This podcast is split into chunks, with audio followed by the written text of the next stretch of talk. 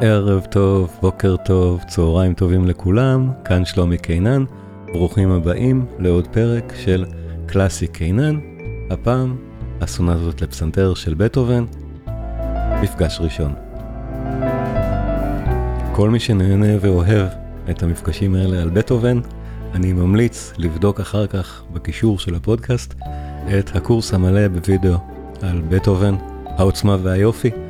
יותר מ-15 שעות של הרצאות, ניתוחים וגם סרטים דוקומנטריים, הרבה מאוד הפתעות מחכות לכם שם, ואפשר לבדוק ולראות הרצאה אחת פתוחה, הכישורים בתיאור הפודקאסט. בטהובן, הסונטות לפסנתר, מפגש ראשון, בואו נתחיל.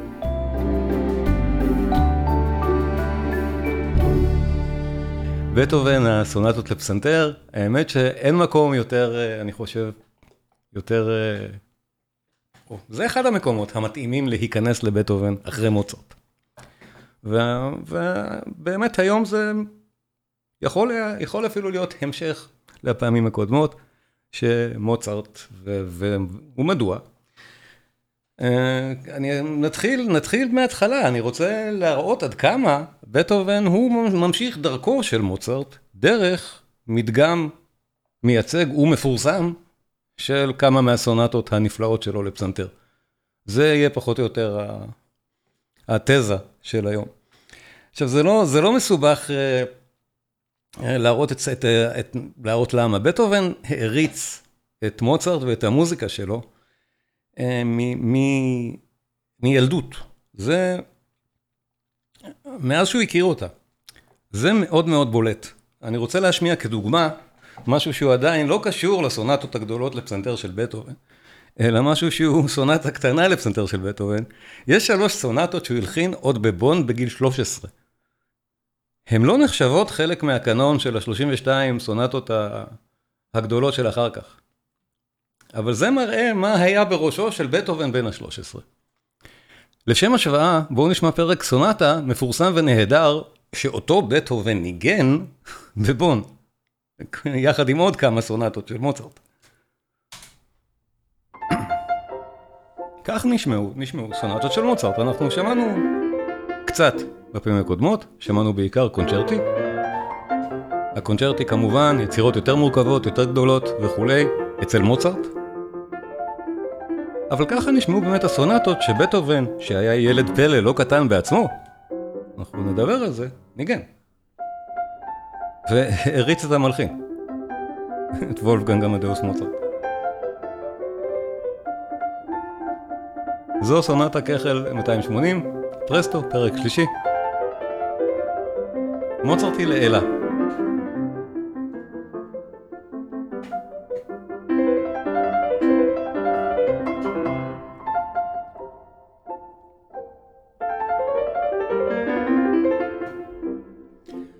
אז מוצרט נפטר, אנחנו יודעים, בטרם עת, ושנה אחרי פטירתו של מוצרט, הגיע בטהובן לווינה.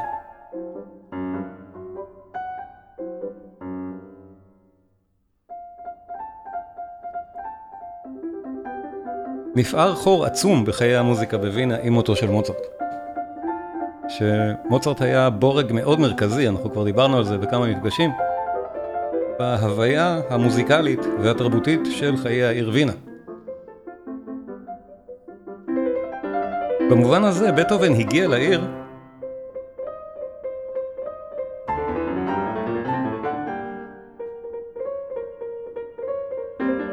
כותבים לי משהו על האתר? אוקיי, speaker. עכשיו אולי רואים יותר טוב באתר? אני אעשה לעצמי spotlight.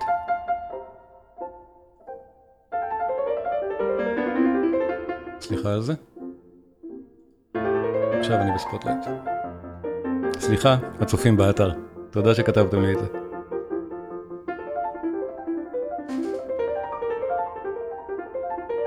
אז נפער חור עצום בחיי המוזיקה בווינה. בטהובן במובן הזה הגיע לתוך חלל ריק ועצום שהוא הזדרז למלא. אז אנחנו שומעים, אנחנו תכף יסתיים פרק הסונטה של מוצרט, פרק מאפיין ויפהפה. בסונטה מאפיינת ויפהפייה של מוצרט, שוב, הסונטות לפסנתר דווקא לא היו הז'אנר הגדול של מוצרט. אצל מוצרט זה הקונצ'רטי.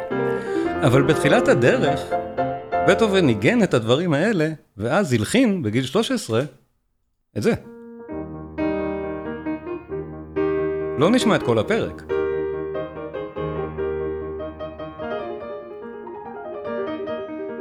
זו הסונטה בלי מספר אופוס 47, מספר אחת, לא מקליטים אותה בדרך כלל. זה לא חלק מהמחזור. שלוש יצירות ילדות של בטהובן. הקשר המוצרטי פה פשוט ניכר לכל עין, לכל אוזן.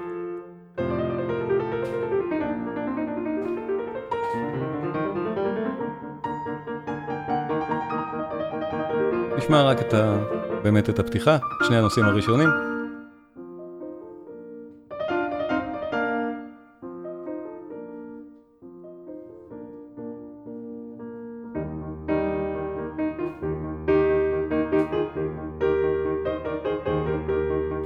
אז באמת, בואו נראה, אני אקרין אצלי את uh, רשימת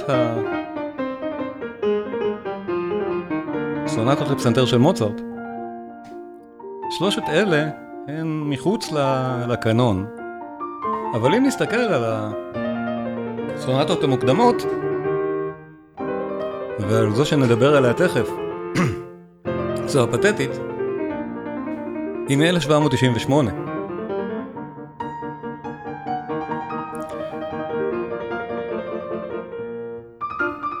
בטהובן הגיע לווינה ב-1792, שזה שנה אחרי מותו של מוצרט. והוא בהחלט נתפס כממשיך דרכו של מוצרט, גם בעיני עצמו וגם בעיני אזרחי ותושבי העיר, גם בתפקידו החשוב כווירטואוז כלי מקלדת. היצירות הראשונות שהוא ביצע שם היו הקונצ'רטי לפסנתר, הראשון והשני, שאיתם הוא בא חמוש עוד מבון. אבל הוא היה פסנתרן מבצע מעולה ומלחין מעולה בתקופה הזאת שהוא הגיע לווינה, וזו עדיין התקופה הראשונה של בטהובן, והיצירה הכי מרשימה שלו מהתקופה הזאת זה אכן הסונטה הפתטית, לפחות היצירה שעשתה הכי הרבה רושם. זה לא שחסרות יצירות ענקיות של בטהובן בתקופה הראשונה שלו בווינה, או מה שנקרא התקופה המוקדמת של בטהובן. עוד מעט אנחנו נדבר על התקופות, יש מין דעה קדומה נגד התקופה המוקדמת של בטהובן, שהיא כאילו פחות, פחות גדולה מהאמצעית והמאוחרת. אני חושב שזה קצת יהיה שטחי לחשוב את זה. אה, התקופה הראשונה של בטהובן היא נפלאה, והסונטה הפתטית היא נפלאה וזהו. אבל, אבל זו באמת היצירה שאם היה צריך לבסס את מעמדו של בטהובן בווינה בשנת 1798, לפני שהוא התחרש, לפני שהוא בכלל ידע שהוא הולך להתחרש, זה, הסונטה הפתטית. וחשוב לציין גם שהוא לא ידע שהוא הולך להתחרש, הטרגדיות הגדולות עוד לא קרו. הסונטה הזאת מייצגת את בטהובן מפתח את הרעיון המוצרטי, את הרעיון שמוצרט מראה לא בסונטות הקטנות ששמענו עכשיו, אלא בקונצ'רטי הגדולים מהפעם הקודמת, הוא מפתח את הרעיונות האלה, ולממדים בטהובנים, ועם כבר תחושה באמת בטהובנית, שעדיין אין לה את האלמנט הביוגרפי, נגיד ככה. את זה חייבים לזכור. הסונטה הפתטית שאנחנו תכף נשמע עכשיו, והיא נשמעת בטהובנית ועתירת רגש ושערות, אה, ושערות, היא מהתקופה המוקדמת עוד לפני ההירואיקה, לפני שבטהובן ידע שהוא עתיד להתחרש, לפני המשברים. זה בטהובן בהתפתחות הטבעית שלו ממוצרט, וזה כשלעצמו מדהים. בואו נראה את הסונטה מספר 8, היום אנחנו נשמע 2 או 3 אם אני אספיק, אני חושב ששתיים מהגדולות, זאת אחת מהן, אבל כל אחת ואחת מה-32 הן ענקיות. המחזור הזה של בטהובן הוא כולו של יצירות מופת אחת אחרי השנייה, שונות זו מזו, שהן כולן באמת יצירות נהדרות. כל, ה... כל הסונטות, באמת בטהובן, בניגוד למלחינים שלפניו, דאג שהמכלול הזה יהיה, למשל, לא עם השלוש מוקדמות האלה. אם היינו למשל מחפשים בדיעבד את הקטלוג, כמו אצל מוצרט, היינו כוללים גם אותן. בטהובן דאג שהסונטות לפסנתר שלו תהיינה היצירות שהוא רוצה שיכללו באותו המחזור. היצירות האלה הולחנו באמת בשביל בטהובן בעצמו כפסנתרן, על פסנתר שעדיין הוא לא הפסנתר המודרני. יש אנקדוטות לגבי היצירות היותר מאוחרות, הסונטות שאחר כך, שאיך שבטהובן היה מנגן עליהם כשהוא כבר חירש, והמיתרים היו מתפוקקים, כי בטהובן לא היה יודע להעריך את עוצמת הלחיצה על, ה, על המקלדת, אבל זה גם אומר שכלי הנגינה, אנחנו יודעים, היו לא כמו הפסנתר המודרני, אבל גם לא כמו הפורטופיאנו של מוצרט, כלים יותר מפותחים מעט.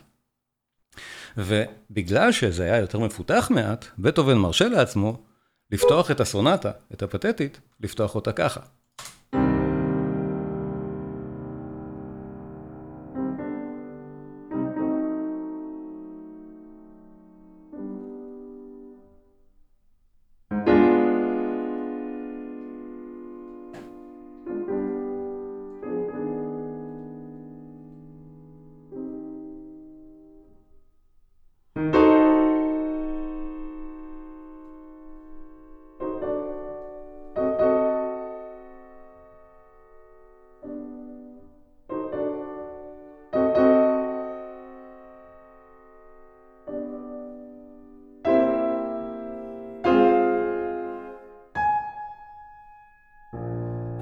אז זה גם מחייב כבר כלי נגינה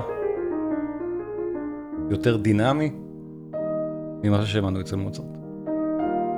כל זה אבל הוא פתיחה. זה לא חלק מהמכלול של הפרק שבאמת כתוב בצורת סונטה. ובדיוק אה, מירי שואלת מה מאפיין את מבנה הסונטה? אז המבנה של הסונטה, אני בדיוק מגיע לזה. הסונטה לפסנתר זו סוגה שכוללת בתוכה גם את צורת הסונטה מבחינת בטהובן תמיד. אבל הקשר, שוב, של השם, כמו הרבה מקרים במוזיקה, הוא לא חופף ישירות. יש סונטות לפסנתר יותר מאוחרות שלא כוללות בתוכן דווקא את צורת הסונטה, אבל השם נותר.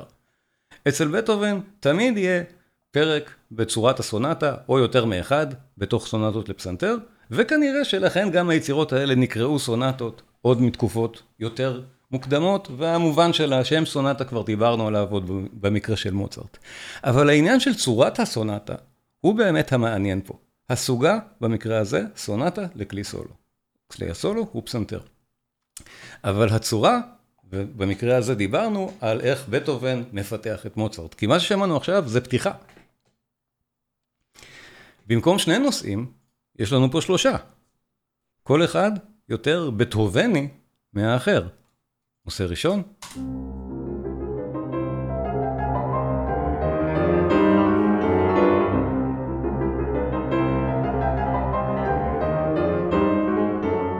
שני.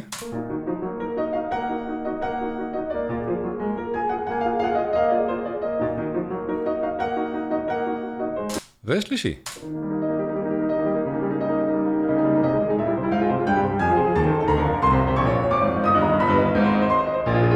אפשר לשמוע בכל ההתכווננות, גם לדרך הנגינה שאליה התייחסתי בהתחלה, וגם לזה שזה בנוי משלושה נושאים, והדבר הזה הוא כבר די מסובך ומורכב, שאנחנו פה התקדמנו מעבר לצורות המוצרטיות, שהן כבר לא היו כל כך פשוטות בפעם האחרונה שדיברנו על זה. אבל זה עוד שלב, בטח. זה כבר הרבה יותר קשה לנגינה, והרבה יותר מורכב מבנית. זה כבר באמת דורש ניתוח, פרשנות וריכוז של המאזין. כי עכשיו יש לנו ראקספוזיציה שבה חוזרים שלושת הנושאים, ואז חלק פיתוח מאוד מעניין, כי הוא חוזר בכלל לפתיחת הקטע, ולא לאף אחד מהנושאים, הוא חוזר לפה.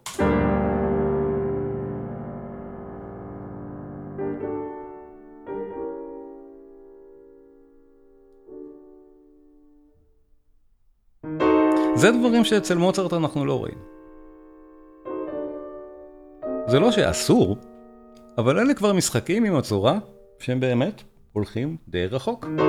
זה כבר לסמוך עלינו שאנחנו זוכרים את הפתיחה מהרבה לפני כן.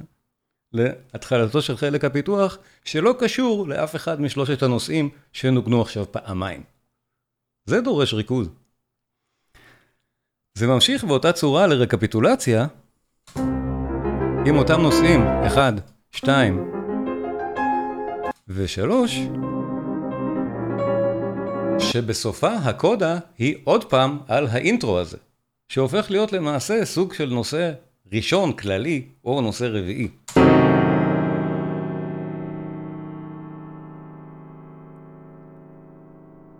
הצורה היא מרתקת. עובדת גם נהדר כמו שאנחנו תכף נשמע. צורת סונטה, בטובנית, הוא מפתח את זה.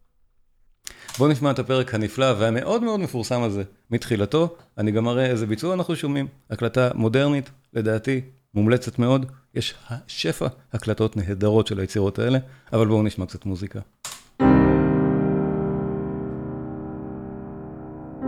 פתיחה.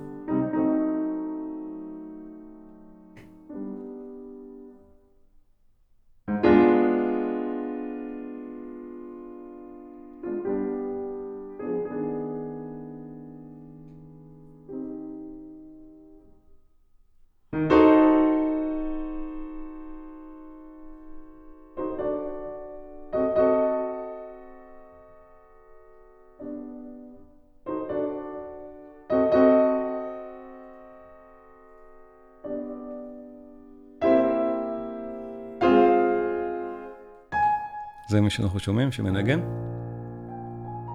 איגור לויט, לדעתי, הקלטה נהדרת.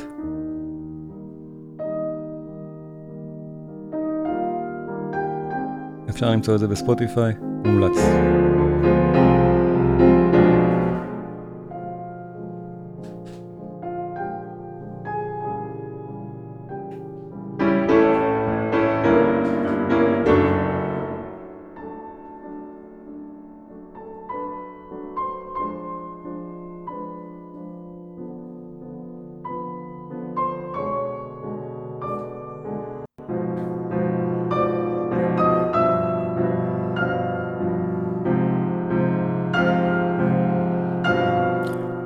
בעולם דרמטי, בטובני לגמרי. ואז כשמחפשים את האספקטים הביוגרפיים הבטובניים, אומרים, זו התקופה הראשונה, זה עוד לפני ההתחרשות, עוד לפני הטרגדיות האלה. אין פה את זה, זה משהו אחר, זה בטהובן. נהדר, נושא ראשון.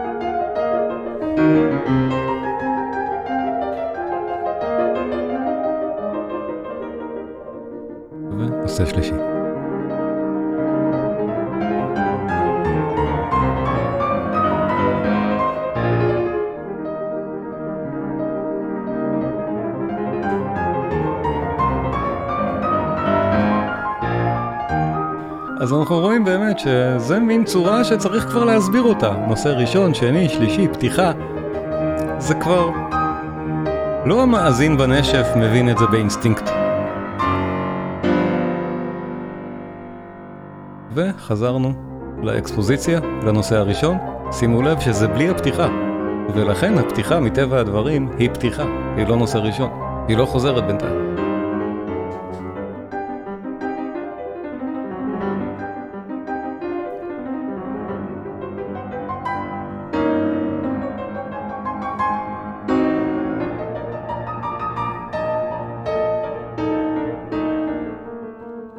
נושא שני.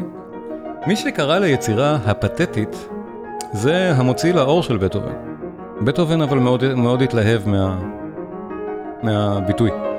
הכוונה בפתטית במובן הזה זה לא מעורר לעג או מעורר, או פתטי, כמו שאנחנו אומרים היום, אלא בעלת פתוס, מה שבהחלט יש ביצירה.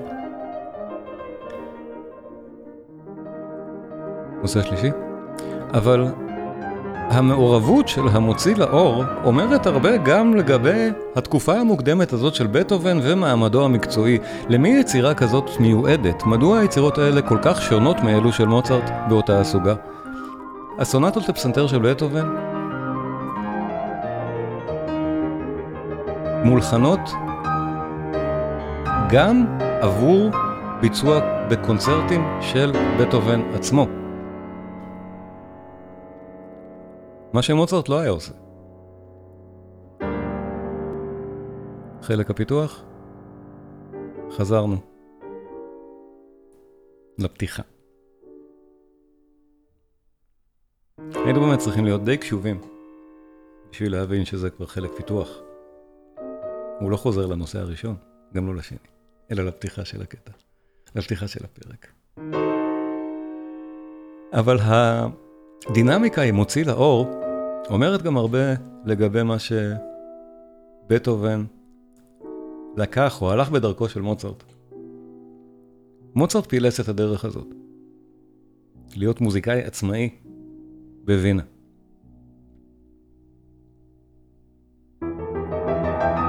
פיתוח של הנושאים העיקריים, עכשיו זה ברור.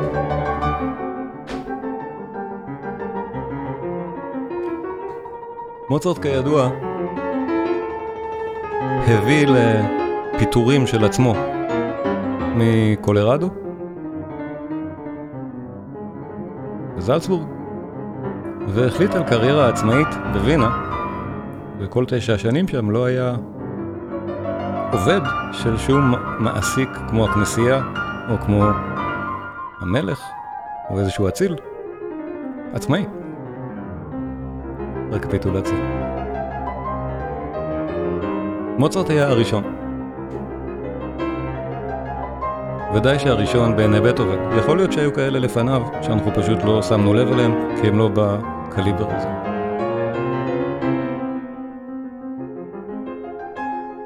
אבל בטהובן במפגיע.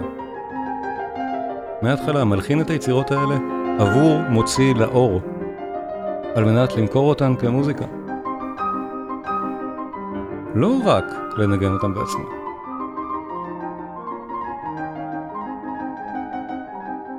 העבודה של בטהובן כבר מתחילה להיות אחרת, ובסופו של דבר,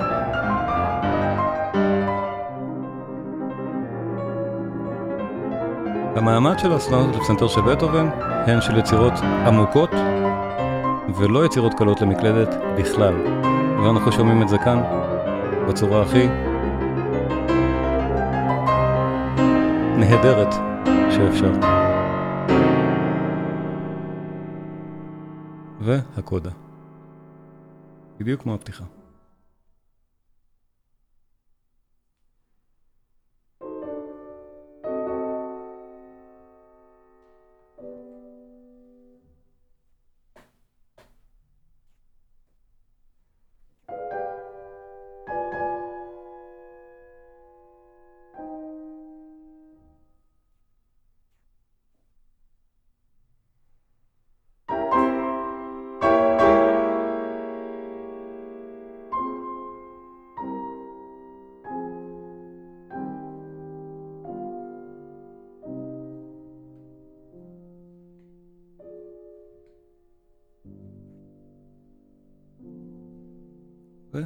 הנושא הראשון. סוגר את הפרק. נהדר. אז באמת מה עושים בשביל שהיצירה תהיה גם יצירת קונצרטים מרשימה כמו שהיא? ואנחנו שומעים שזו יצירה וירטואוזית, קשה לנגינה, מרשימה, ובטח שלא כל קוני התווים בווינה או בכלל בעולם המוזיקלי באירופה של התקופה יכולים לנגן את זה. מה עושים? איך זה כל כך הצליח? איך זה מכר כל כך הרבה? איך הפתטית הייתה אחת מהיצירות ש... יצירות המפתח בקריירה של בטהובן בווינה כמלחין מצליח. הפרק השני, הוא לא קשה לנגינה, זה בכלל לא הנקודה. ואם מחפשים הוויה או אווירה מוצרטית, מוצאים אותה בו. המבנה, רונדו, מאוד מאוד פשוט, ובואו פשוט נשמע אותו, כי זה אחד הפרקים היפים שיש, ובאמת הרבה מאזינים לסונטה בגללו, או בזכותו.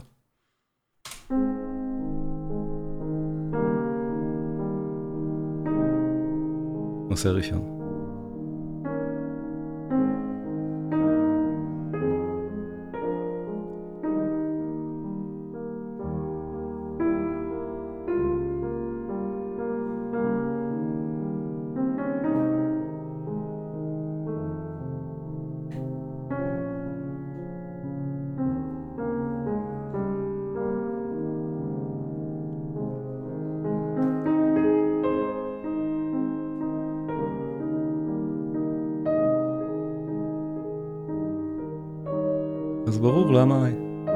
בנות האצולה שידעו לנגן, אבל לא ידעו לנגן ממש טוב, יכלו גם ליהנות מזה. ולבצע את זה באירועים סלוניים קטנים. היצירות האלו מיועדות גם לזה בשלב הזה ביצירה של בטהובן. ככל שנתקדם, וגם במפגש הבא, נראה איך בטהובן מתרחק מהקומוניקטיביות הזאת. בינתיים הנושא השני יפה לא פחות מהראשון.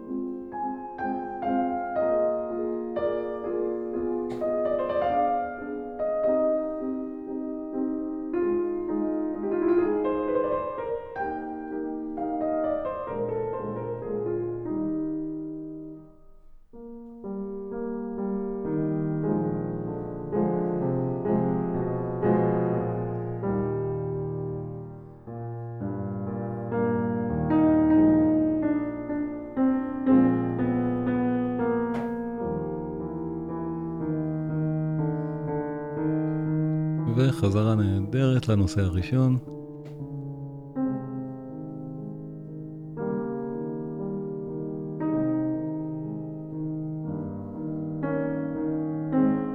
יש פה באמת הפנמה של אידיאל מוצרטי ויישום נפלא שלו באידיום הבטובני.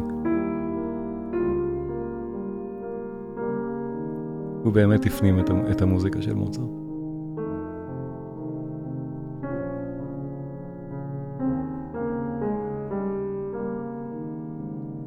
נושא שלישי. אמרנו רונדו, נושא ראשון, שני, ראשון, שלישי, ונחזור לראשון תכף. אז כן, הסונטה נקראה פתטית ובטהובן אהב את הכינוי. וכמו שאמרתי, בטהובן עוד פה לפני הצהרות, לפני ההתחרשות. ואנחנו שומעים את הסערה שיש אצלו. ובהחלט, הוא מלחין שונה באופיו, גם בתקופה הזאת, מכל מה שהיה לפניו. ודאי שמבחינת הרגש שהוא מנסה להביע, וזה, אני מעריך, קשור לילדותו ולא להתחרשותו בתקופה הזאת. הילדות של בטהובן, בניגוד למוצרט, הייתה ילדות עשוקה וקשה. אביו היה שיכור מתעלל, ובטהובן עצמו היה סוג של ילד פלא, כנראה, שוב, עם יכולות על מוצרטיות כאלה, שלא זכה לאבא כמו של מוצרט. סיפור שאולי כדאי להיכנס אליו בהזדמנות אחרת, אבל מרגישים אצל בטהובן, גם כאן, ברור, שזה לא מוצרט מבחינה רגשית. הוא הולך למקומות אחרים.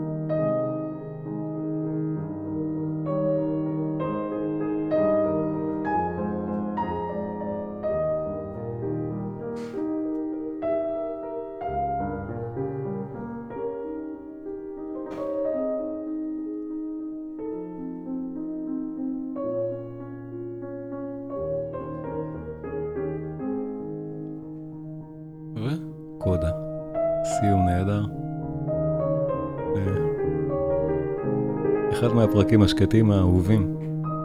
אני חושב בספרות הפסנתר, מי שניגן יכול להעיד.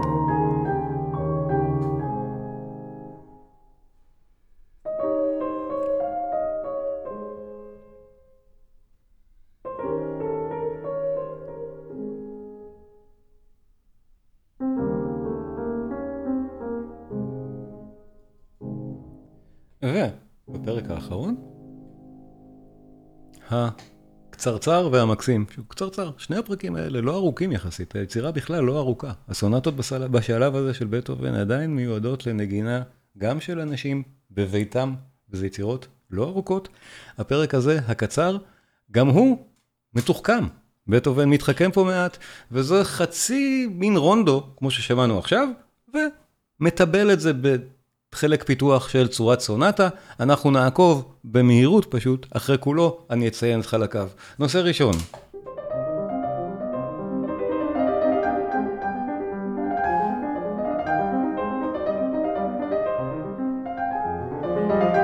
על הסערה גם נוכל לדבר, זו סונטה נהדרת, ויש כמה וכמה סונטות נהדרות של בטהובן.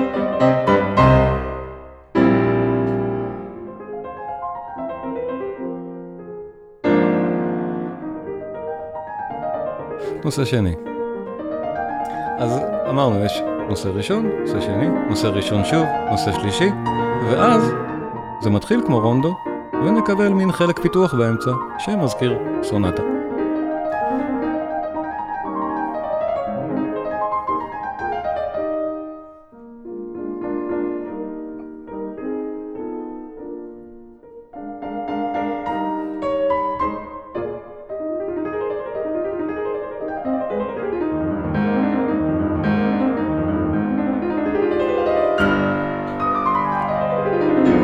וחוזרים לנושא ראשון.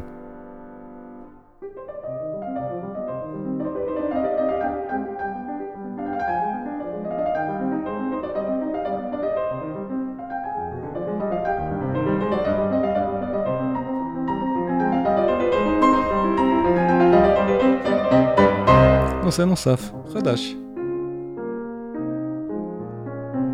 התבנית שבטהובן משתמש בה, של רונדו, תבנית שוב שמוכרת לאוזנינו, אבל תכף, בפעם הבאה שהנושא הראשון חוזר, הוא מתפתח בצורה טריקית, בטח למי שמבצע את זה, וגם למאזינים, שמזכירה באמת חלק פיתוח של צורת סונטה. שוב, הדרכים שבהן בטהובן מפתח את הצורה המוצרטית הקלאסית לצורה היותר מאוחרת הרומנטית, ופה זה קורה נהדר. ביצירה שבאמת, אפילו שהיא כל כך מוקדמת, יכולה כבר להיחשב, לדעתי, רומנטית.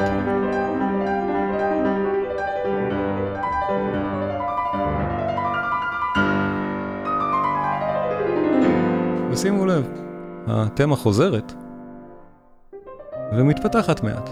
היא לא חוזרת כמו שהייתה בפעמים הראשונות, אלא אחרת, כי זה סוג של חלק פיתוח. שימו לב. זה משהו חדש. המודולציות האלה, קודם לא, זה לא הגיע לשם בכלל. אז זה באמת מקבל מין צורה של חלק פיתוח בפרק סונטה. נהדר.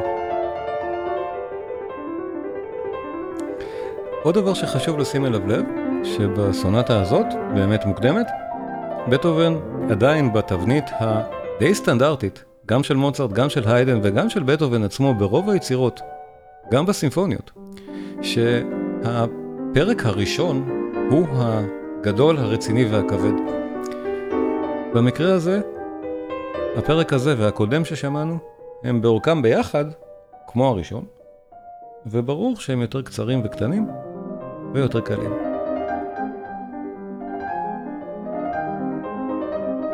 חזרנו לנושא הראשון, למה שנשמע כמו רקפיטולציה.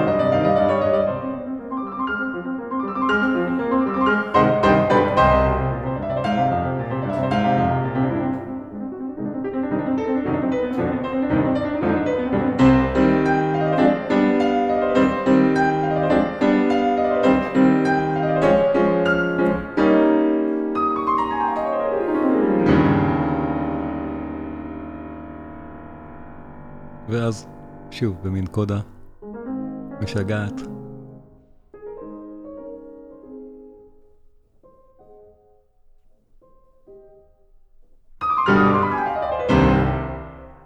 הסונטה הפתטי של בטהובן, מספר 8, וההקלטה לדעתי נהדרת הזאת, ויש כמה וכמה הקלטות מומלצות, אנחנו בטח נעשה בפעם הבאה גם, גם דיון על ההקלטות האלה, אם, אם דני עוד פה הוא יכול להנהן לי, שזה זה, זה גם עניין מעניין בזכות עצמו, שנגיע אליו, אבל בזמן שעוד נותר לי, אני רוצה את להיט הלהיטים הכי גדול, אני חושב, בסונטות של בטהובן, שהוא באמת מציג עוד יצירה, עדיין מהתקופה המוקדמת של בטהובן, אמנם מעט יותר מאוחר מזה, וכאן אנחנו ממש בתקופה שבטהובן כנראה מתחיל לגלות שהוא בצרות. שהצוואה המפורסמת של בטהובן, שבה הוא מודיע שהוא כנראה חושב להתאבד, על זה שהוא מאבד את שמיעתו ומבין שזה, שהוא עתיד להתחרש לגמרי. היצירה הזאת, סונת התור הירח, היא שנה לפני כן. אז זה נחשב עדיין התקופה המוקדמת של בטהובן, אבל כאן הוא כנראה כבר לא בתקופה טובה.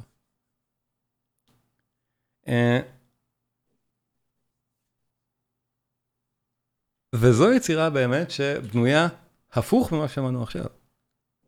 הפרק הרציני שלה הוא הסוף, אבל דווקא הפרק המפורסם שלה הוא בהתחלה. הפרק הראשון של, ה, של הסונטה הוא כל כך מפורסם, ו, וכל כך באמת אה, אה, נחשב בתור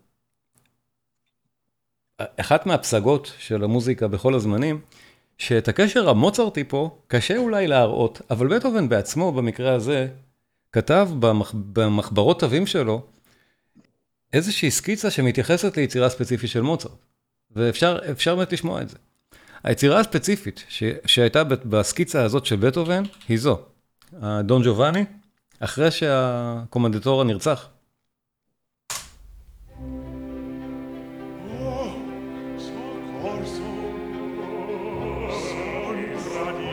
שימו לב לליווי.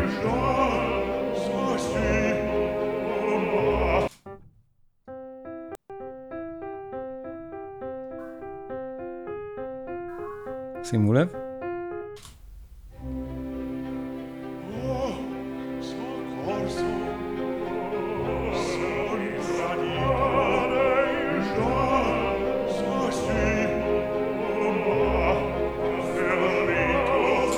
אם משלבים את זה, שברור הקשר של שני הפירוקים ההרמוניים על אותו המשקל, עם אווירה וגם משקל של קונצ'רטו של מוצרט, שבטהובן ביצע המון ואהב מאוד בעצמו, של ה-23,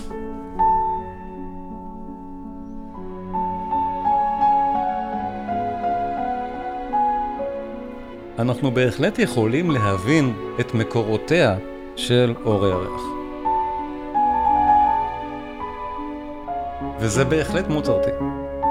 עם החותם הבטהובני הבלתי ניתן בכלל לחיקוי. זה נקרא קוואזי אונה פנטזיה. זאת אומרת, חצי פנטזיה. סונטה קוואזי אונה פנטזיה, בטהובן מכנה את זה כך בשביל לא להיצמד לצורת סונטה, אז יש פה באמת צורה מאוד חופשית במובן הזה, הוא לא חוזר על הנושאים, אלא מיד הולך לחלק פיתוח. אבל זה באמת כל כך לא משנה כשזו המוזיקה.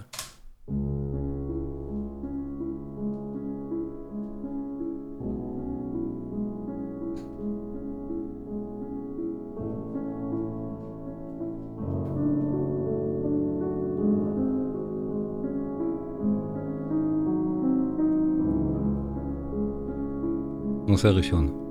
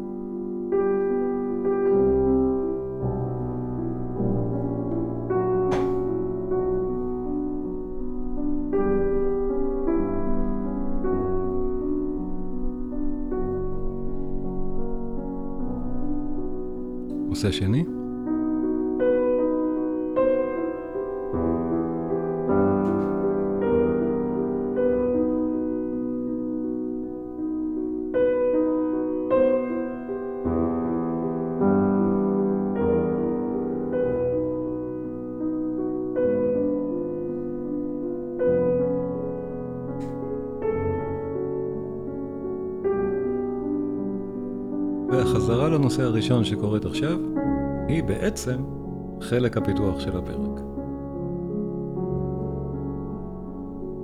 ברור, חזרנו לנושא הראשון.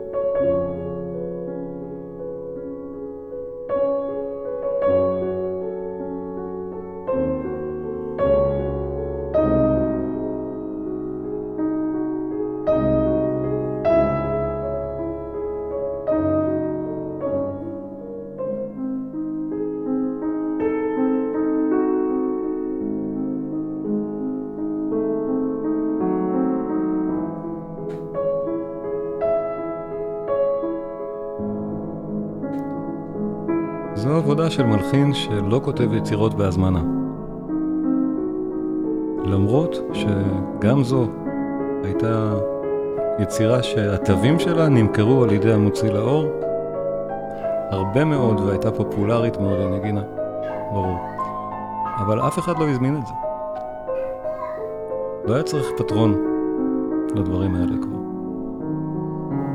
בטהובן הקדיש את זה לתלמידה שלו, לא לפטרון. אולי היה מאוהב בה? ככה זה בטח נשמע.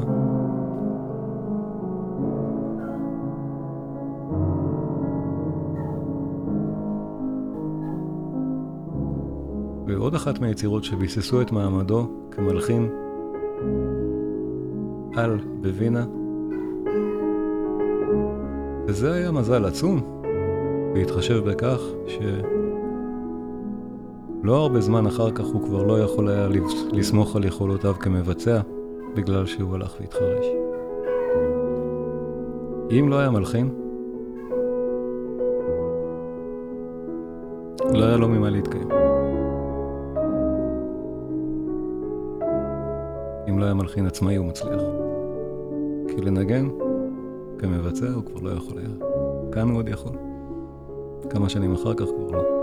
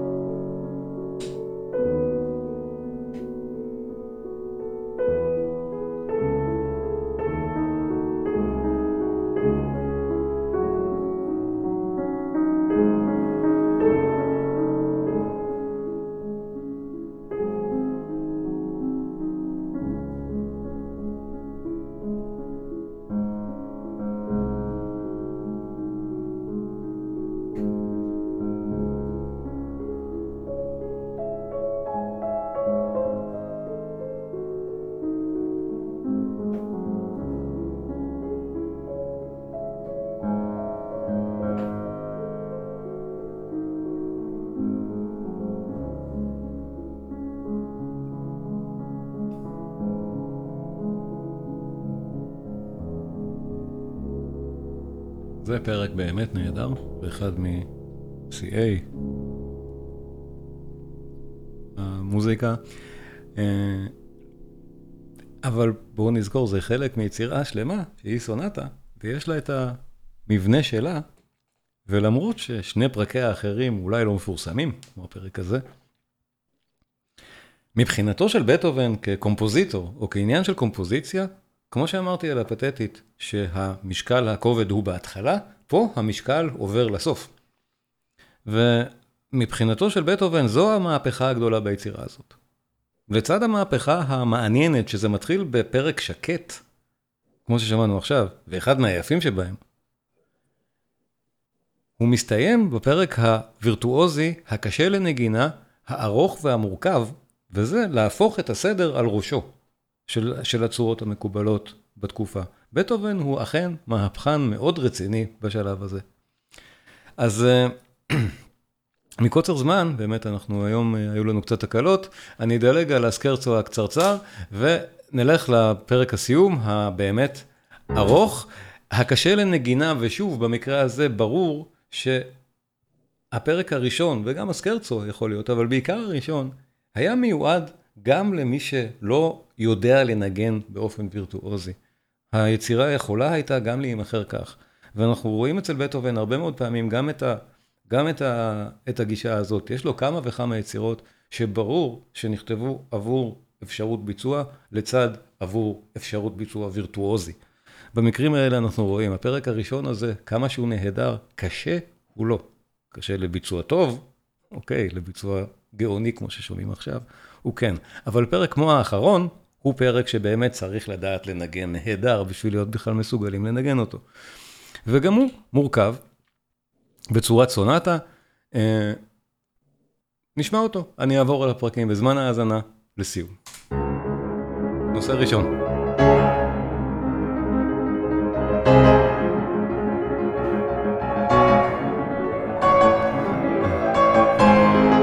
קל לנגינה זה לא.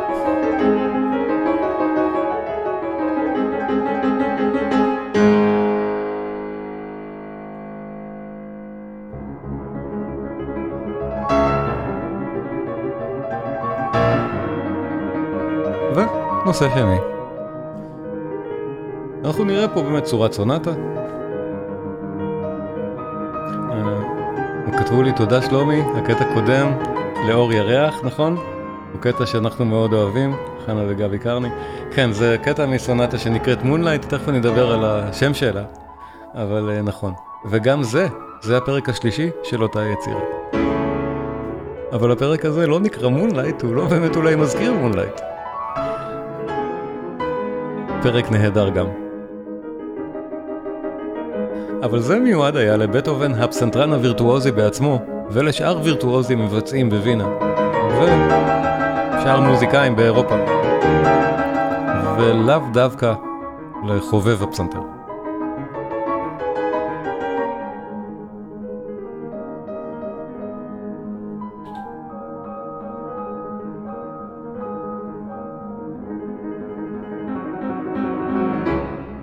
וחזרנו לנושא הראשון. אני שוב חייב לציין, למרות שאנחנו שמענו היום באמת שתיים מהמפורסמות, נגיד ככה, בסונטות של בטהובן, הפתטית והמונלייט. אה רגע, לגבי שמה של המונלייט, אני הבטחתי. בטהובן לא כינה אותה בשם הזה, והשם הזה גם לא היה שם שהוא הכיר אותו בחייו, למרות שכנראה הוא לא היה מתנגד לכזה שם, כמו שהוא לא התנגד לפתטית. אמ, איזשהו עיתונאי כתב על היצירה אחרי מותו של בטהובן, וקרא לה Moonlight, אור הירח, וזה תפס. כנראה בגלל שזה כל כך מתאים לפרק הראשון שלה. למרות שאני חושב שאם לא היו קוראים לזה Moonlight, אולי היינו שומעים בפרק משהו יותר מאיים ופחות רומנטי. כי יש בו גם את זה. אבל השם כבר מקושר אצלנו ליצירה ולפרק. אז חשוב לזכור, כל 32 הסונטות האלה הן מוזיקה נהדרת, כולן מוזיקה מדהימה, הן פסגת היצירה. זה מחזור שהוא כולו פסגתי. בטהובן עצמו, כעורך המחזור, נגיד ככה, הייתה לו שליטה באמת על המחזור שלו, בניגוד למוצרט שלו, ידע מה אנחנו נכלול ברשימת הקונצ'רטי לפסנתר שלו. כך אנחנו מקבלים גם קונצ'רטי לפסנתר של מוצרט, שהם הרבה פחות מהגדולים. אצל בטהובן אין את הדבר הזה. כל היצירות במכלול, הוא שלט בסייקל הזה. הן כולן נהדרות. אנחנו שומעים היום שתיים, שהן מהמפורסמות ביותר. לצידן יש, אני חושב, גם את האפסיונטה, שהיא עוד אחת מהמפורסמות, וגם עליה נדבר. כתבו פה גם את הטמפסט, את הסערה, את ולשטיין. יש כמה וכמה סונטות לפסנתר מפורסמות מאוד במחזור הזה, ואני ממליץ להאזין באמת פשוט לכולן. לא, ת, לא תתאכזבו, לא תצטערו. ובמפגש הבא, אם נהנתם, נראה לי שנהנתם. נמשיך ונדבר על עוד כמה. כי יש מה. והכוכבית הקטנה בהמלצה הזאת צריכה להיות שהסונטות המאוחרות של בטהובן, מהתקופה השלישית שלו, אני מאמין שדורשות מעט הכנה לפני ההאזנה להן. זה לא יצירות שקל להבין אותן בלי באמת להיכנס מעט לפרשנות. אבל חוץ מהן, הן כולן פשוט להאזין וליהנות.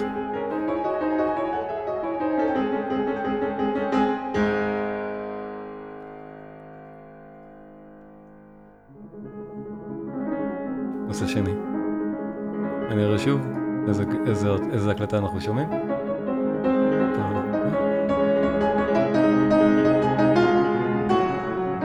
טיגור לויט. מקווה שאתם נהנים מההקלטה הנהדרת הזאת, יש אותה גם בספוטיפיי.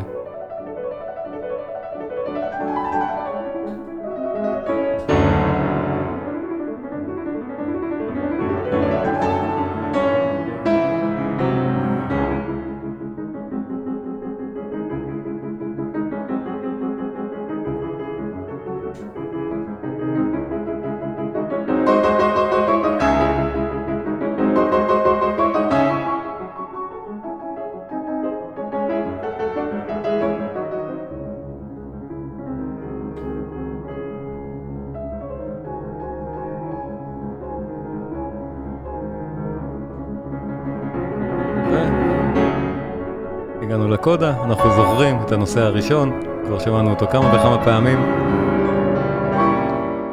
ואני שוב חייב להגיד, שימו לב כמה הפרק הזה הוא וירטואוזי לנגינה, איזה וירטואוז היה בטהובן בעצמו, ונסו לדמיין איזה רעש הוא עשה בווינה כשזו המוזיקה שהוא ביצע. זה דברים שלא נשמע כמוהם לפני כן, פשוט שום דבר לא התקרב לזה אפילו.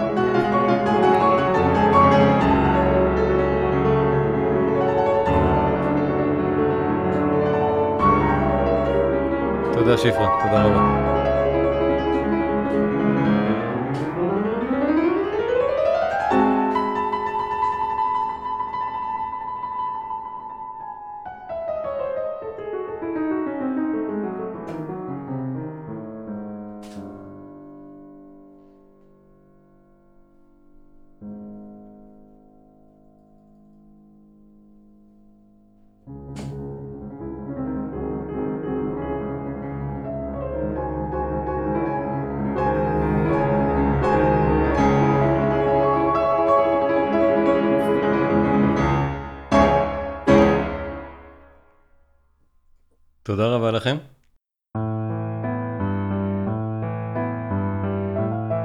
תודה לכולם על ההאזנה, ולמי שרוצה עוד בטהובן והרבה ולעומק, בתיאור הפודקאסט יש קישור לקורס בטהובן, העוצמה והיופי, יותר מ-16 שעות של תוכן, הרצאות, סרטים, דוקומנטריים, הרבה מאוד כיף יש שם.